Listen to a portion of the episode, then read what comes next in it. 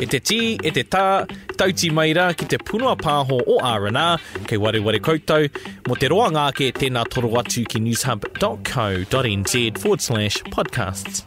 Kia ora tātou, welcome. This is the R&R podcast. Don't forget you can check out newshub.co.nz forward slash podcasts for more.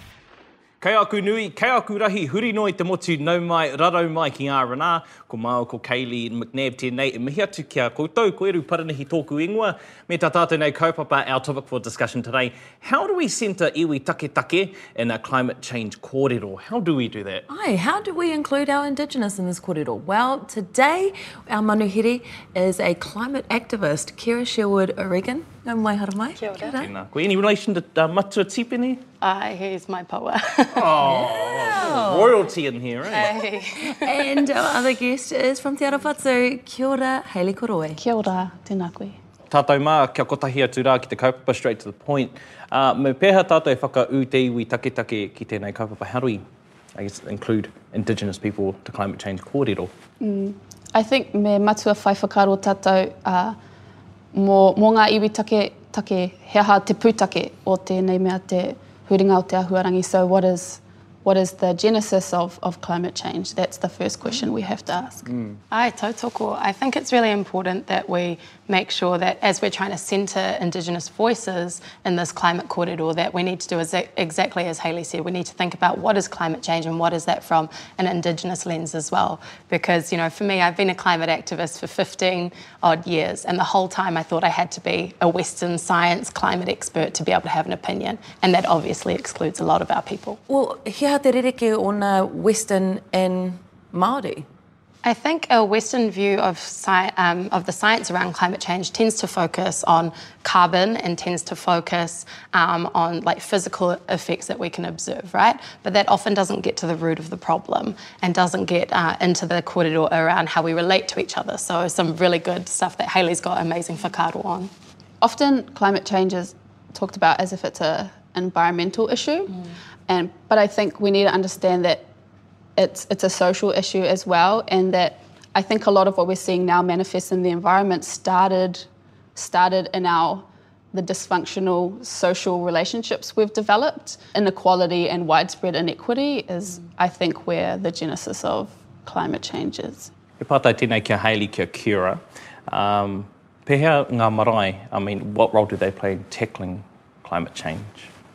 Ka tahi on anō au ka hoki mai i, i te tai tokerau, uh, i marae. Um, and I think the first thing is that marae need to be resourced to respond to climate change, and they're not being resourced. Um, a lot of our marae are situated in coastal areas, which means that there's a huge risk with rising sea levels that they'll be affected, and I think that's a conversation marae and hapu and whānau need to start having.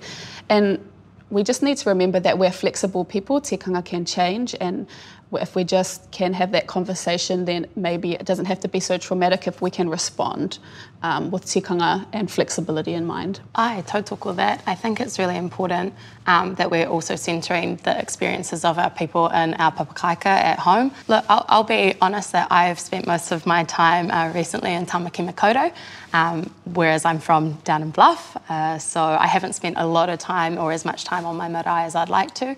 But I was really privileged recently to head down um, to Otautahi uh, as part of the Kāi Tahu Climate Symposium, and we had representatives from all of our papatipu um, runaka uh, come and join this kōrero around climate change. And some of the kōrero we were having was, you know, what does it mean to move a marae? What does it mean to move an urupa? Is that even a thing? Because similar to Haley's situation, a lot of our marae are coastal. And then on top of that, we need to be thinking about, you know, our you know, a lot of our taonga species, including, um, you know, tītī down where I'm from.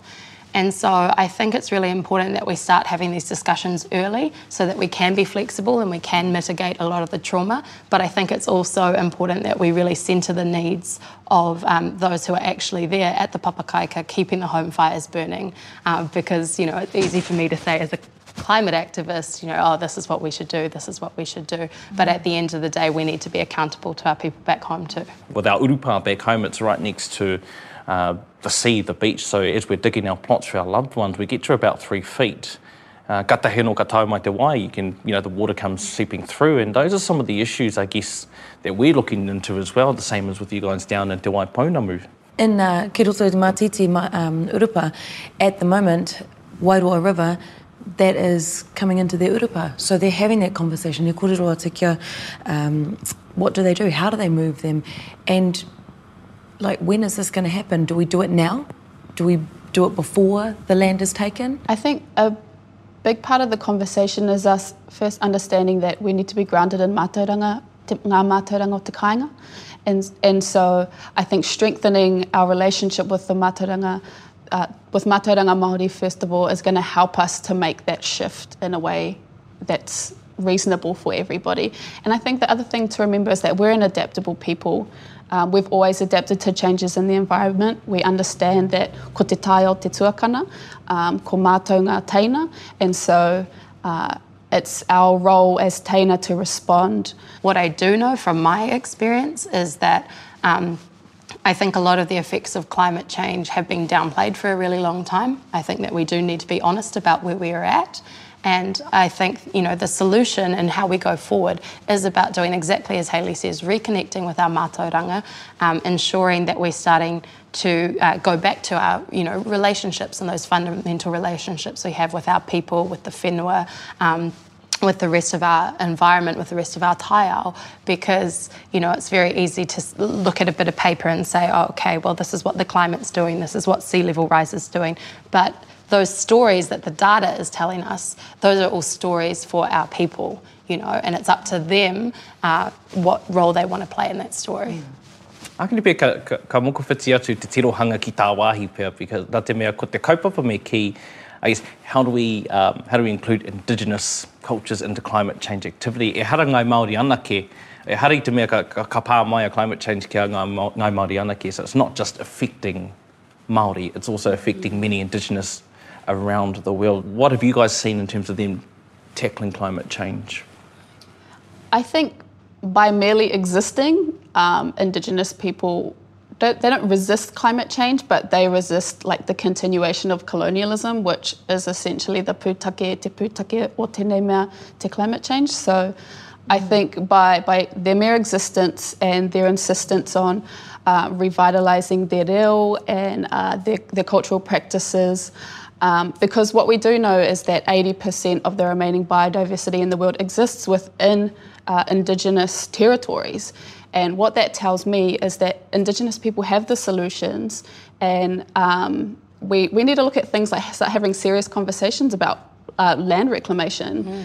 Um, because if we really want to kind of uh, adapt, it's Indigenous people who are currently essentially carrying the world on their shoulders in a way because when biodiversity um, is gone, then what really is the consequence of that? Yeah.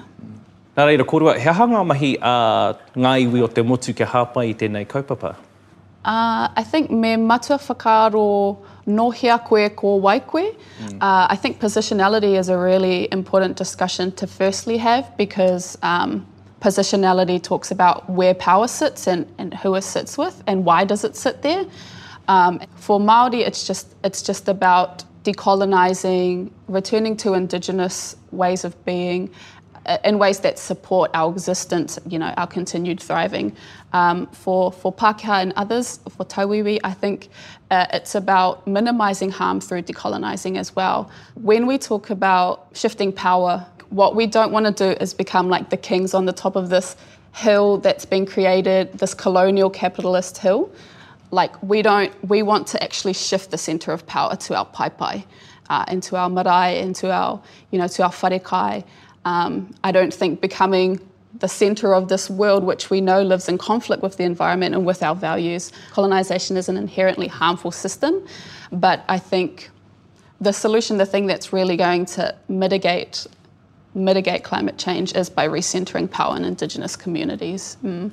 E Hayley, ke hoki anō ki au kōrero e pāna um, ki te whakapapa pea o, o tēnei momo kaupapa, ara ko te, whaka, uh, ko te whakawehenga me era mo tēnā tō ai te anō. Mōkua ke ko te pūtake o tēnei mea te huringa o te ahuarangi, uh, i ahu mai i, i te aukatinga o ngā, ngā tūhono whakapapa. So i timata i te whenua, i wehi atu i te whenua, i wehi atu i ngā marae, uh, katahi ka noho i roto i ngā whānau, engari kāre a hapu nei. Tautoko, look, I mean, I think I really agree with exactly what Haley said. If we examine the root causes of climate change, um, you know, for us as Indigenous people, but also as a wider global phenomenon, the root causes, you know, are the same. They come down to colonisation. And what, you know, what is colonisation tied up with? It's tied up with this rise of capitalism, with the rise of consumption and individualism, and you know, extractive, um, you know, extractive relationships with the whenua and with people around the world. And I've just come back from China, where I was at an innovation lab specifically focused on climate action. And so in my team, I was working with uh, um, an awesome friend from Fiji who's also Indigenous, um, a guy from Uganda, another guy from Grenada, and we were all talking about our shared experiences around what climate change means for us back home. And as part of this innovation process, the very first step is, you know, doing this great big problem tree. You have to say what causes this and what causes this and what are all the root causes of that, because we know that in order to come up with solutions, we have to actually get to those root causes. And what we were finding, and what a lot of the other teams were finding, was that when we unpack it, you know, we started having this big tree that said, oh, you know, people don't have access to resources and climate disasters. Oh, people don't, you know, can't make effective decisions because they're disengaged from political power, etc., etc. And when you get right down to the root causes, you know, there's kind of three big words on the board. There's colonization, there's racism, there's white supremacy. Mm. And I think if we're going to have any hope of getting to, um, you know, getting to the solutions point around climate change, we need to acknowledge that those are the root causes. And so a lot of the innovations that people came up with, you know, were not band-aid solutions. They were things talking about how do we restore our relationships with each other? How do we restore our relationships with the whenua? How do we make sure that our people can actually make decisions about the things, you know, that matter the most to us? Because we know that the people who are closest to the problems are also closest to the solutions. When I hear about all these, you know, climate change and things that we need to do. Aroha mai, but it just seems like everyone, he kōrero, he kōrero, you know, they just talk and talk mm, and talk. Mm. How do we get down to just doing and just making the change? Because climate change is going to happen while we're talking. Mm. There's no actual action in there. Mm. So, you know, pihe whakaro. I think I think the great thing, and because for a long time I had to reconcile why it is how it was that I could invest so much energy into this kaupapa because I think what needs to be said is that the dominant narrative has only come into play over these last like 10 to 20 years, but climate change really has existed and, and had, you know, fatal effects on Indigenous peoples for, for hundreds and hundreds of years. And I think that speaks to another issue at the core, which is inequity. And, and it tells us who lives, whose lives really matter. You know, um, Indigenous people have been experiencing genocide for, for a long time, and apparently that's not worth a, the kind of level of action as climate crisis. But when it starts to affect those at the top, that's when it becomes a worthy discussion for all of us. Yeah, totally. But mm. I think what's great is that what we do every day as an Indigenous peoples, as Indigenous peoples, um, learning our reo, going back to our marae, learning tikanga, um, restoring our family relationships, having really hard and awkward discussions um, with our family members, that is where we can start action. Because I think, especially as someone who's not from Auckland but who's lived in Auckland, the, I think the best thing that I can do is have those hard discussions with my whānau so that we can be a strong unit and so that when the hapu, the mana whenua of Tamaki call and need our support, that my family can do that in a way that's um, yeah, Hoki anō ki, ki au kōrero ko te, hon, uh, ko te whakahono anō anō ki o whānau and, mm. and reconnecting with whānau. It almost to me seems like there's also a byproduct that comes off that as well, not just tackling this cope up of climate change, but other um, massive issues like mental health and other things. I don't want us Absolutely. to go off on a bit of a tangent, but it almost seems to be the key catalyst is not just connecting, you know, with um, your people, that kia maura ki tōu kaipo me ki, you know, connecting back then, that, you know, from there, then I guess it, for us as, as te ao Māori, ka tae te neke whakamua there. I think all of these symptoms again just come back to this root cause of colonialism. And I don't what I don't want to do is is use that as a cop out what I what I want us to see or understand is that decolonization is the way forward. And we do that every day mm. um, in our work. And I think, because I've worked in some government funded Māori organisations, and having to, we really, tra- we have to transform those spaces by default because we can't exist in those spaces and be small and not interrupt the status quo. Mm. And so, just by speaking our reo, by upholding who we are as people, by bringing our whānau and hapu into the room, we transform those spaces. And, and people need to, uh, those who are sitting at the, on the other side or those who put barriers up for that to happen, they're really just exhausting a lot of our energy. Mm. And I think it would be great if those barriers could just um, yeah, we could remove those barriers and those discussions would be a lot easier for us to have. Yeah, definitely. Kia hatona barriers, like what are some of the barriers that are up right now that are stopping us from, you know, moving forward? Kohiri.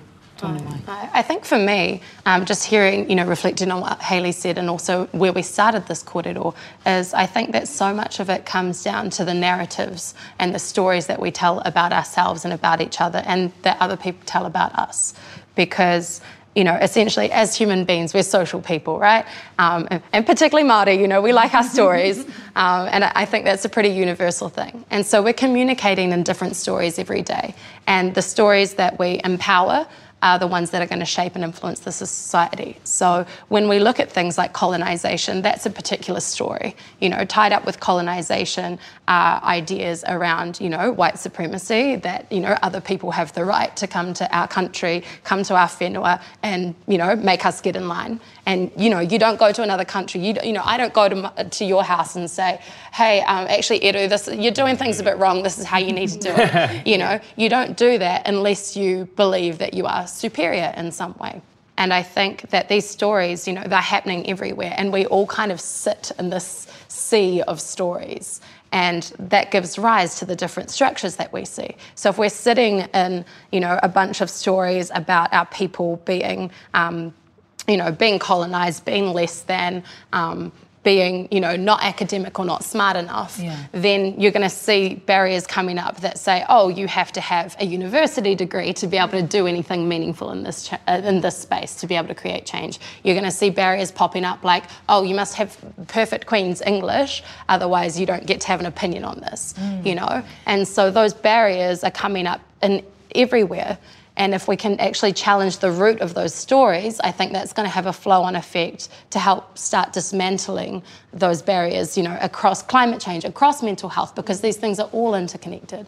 Now, we love our children, we love our kanuito whānau, and uh, I have heard comments saying that if we want to contribute to climate change, why not start having less children? Mm. Why yeah. do we have big whānaus? yeah, nei koro rukahu tēnā. They keep talking rubbish. They're talking rubbish. I see. I think this is one of the things, though, is because you know part of the predominant story around climate change has been framed through those that Western lens. You know that only looks at climate change as a specific issue, whereas when we're starting to centre Indigenous voices and our own knowledge, we see oh, climate change is connected to our whānau. It's connected to uh, the way that we engage engage with each other, it's connected to the ways that we engage with the whenua, everything that Haley was saying, right? And so if you're only looking at the surface level, then of course you're going to look at, you know, what can I objectively do to reduce my carbon emissions? Well, maybe I'll not drive a car, maybe I'll stop, you know, I'll not have kids, maybe I'll go, yeah, exactly. And, you know, those are all valid choices that people might make. But when we're putting those choices on other people, and particularly on the people who have contributed the least to the existing climate crisis, I think that's really unfair, it's unequitable, and it doesn't get to the root cause of the problem. You know, telling a bunch of Indigenous people to not have, you know, more kids is frankly, in my view, racist. And it also punishes Indigenous people when probably, you know, the people who are making these comments are contributing more than that Aye. because of their own lifestyles, you know? Ai, he ahutanga kuare tēnā um, ko, ko tau i ki ai, he tino kuare, he kaikiri, me ramo mō ahutanga ki kino. Ai, i taku nei kitenga, e hara i angai Māori me ngai ui take te he, ko te he, ko te ahunga, ko te tirohanga, mm. uh, te Pākehā uh, a rātau i tīni ngā pakaro ngai ui take. Ai, hoki anō ki tau ko ngā mea e toru ne, ko te colonisation, ko te kaikiri me ki, ko te racism, uh, me te white supremacy, me ramo mō ahutanga ki kino. Nā reira, um, ai, kia ana ka tino, ai, ka tino whakaai au koe e um, kera me, me ngā whakara ko putaina. Ai, mm. he katai anō te taumasa ka piki, ne? well, I, I really, um, kia pai tō uh, um, ngā te whātua, because uh, in Orake, when they built the, um, the homes up there, they have the community gardens where they're encouraging the whānau to really get amongst and just start, you know, uh, getting those, that, that the food for themselves and just really putting back into our whenua mm. and, and learning about the rongoa and just our tikanga on how we love our land and love our people and just really bringing it back to their iwi. And, and I really love that. Why can't totally. all our iwi be amongst that? I think i te tuatahi ka tahi anō au ka hoki mai i te tai tokerau. Kia rātou, e hara rātou i te tohunga. Engari, ko te mātauranga noa tērā, you know, e kawe e kawe nei e rātou. Um, so when I when I ask people about climate change or things to do with the environment, they kind of like play it down because to them mātauranga Māori isn't deserved of, of the kind of taumata that we put other climate related knowledge bases, so like science. And so they, they don't think that they have the knowledge, you know, but what I really noticed was that all of the things that we're theorizing about here in, in, in the city as things that they're doing. So um, a lot of people who live in rural areas, they're partially food sovereign by necessity, and they're conscious about their water use by necessity, um, and they're they're looking at solar power because it's a necessity. You know, right. it's very difficult to centre discussions. Actually, I think in, in cities because. Uh, we have so much built human infrastructure that the the consequences of climate change are actually quite delayed. And, and we actually extract a lot of resources from rural areas in order to actually have this highly overpopulated area um, to like continue resourcing it. Um, but for those in, in, the in rural areas, they they are still highly codependent on the environment, and so they the mm. impacts of climate change are felt immediately. Mm. So if they have low rainfall, there's there's like very little that you can do, you know, unless you're going to pay $500 to fill your water tank. Um, and so I think those, I think other hapu, other whānau, other iwi are doing that thing. They just don't view it within the very narrow context of climate change and how mm. it's being discussed. Total cool. Mm. And I, I want to jump off from that as well because I think it's that they don't recognise that the mahi they're doing is climate action or just the way that they're living is it's climate action.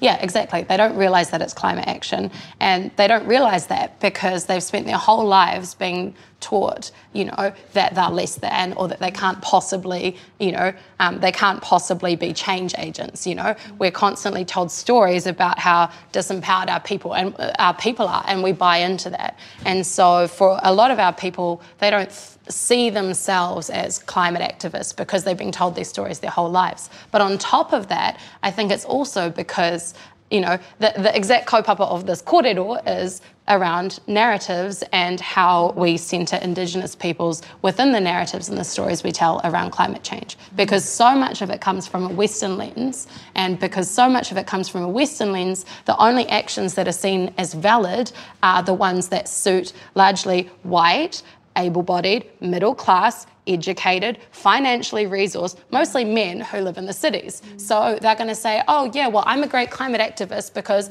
I don't, you know, I don't drive a car. I'm a great climate activist because I went vegan." Like good for you, but it also it, yeah, like good for you. Great, do those things. But our people, our people are taking action as well. And so I think if we're going to um, you know, if we're going to centre our people in this kōrero, then we will start to see, oh, actually, maybe climate activism is something that feels like a label I can put on myself as well, you know? Tātou mā, well, ko tai tātou ki te whakamutinga o tēnei uh, hōtaka, a uh, ka nui tēnā, engari me mihi kā tika ki a tātou nei manuhiri.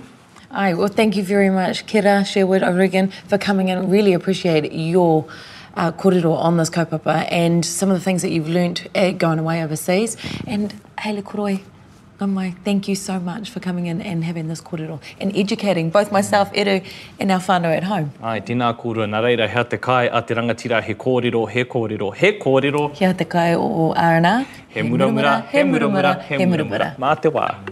You've been listening to the R&R podcast. Go to newshub.co.nz forward slash podcasts to hear more. Kua whakarongo koe ki te punua pāho o R&R. mō te roa ngāke, tēnā toro atu ki newshub.co.nz forward slash podcasts.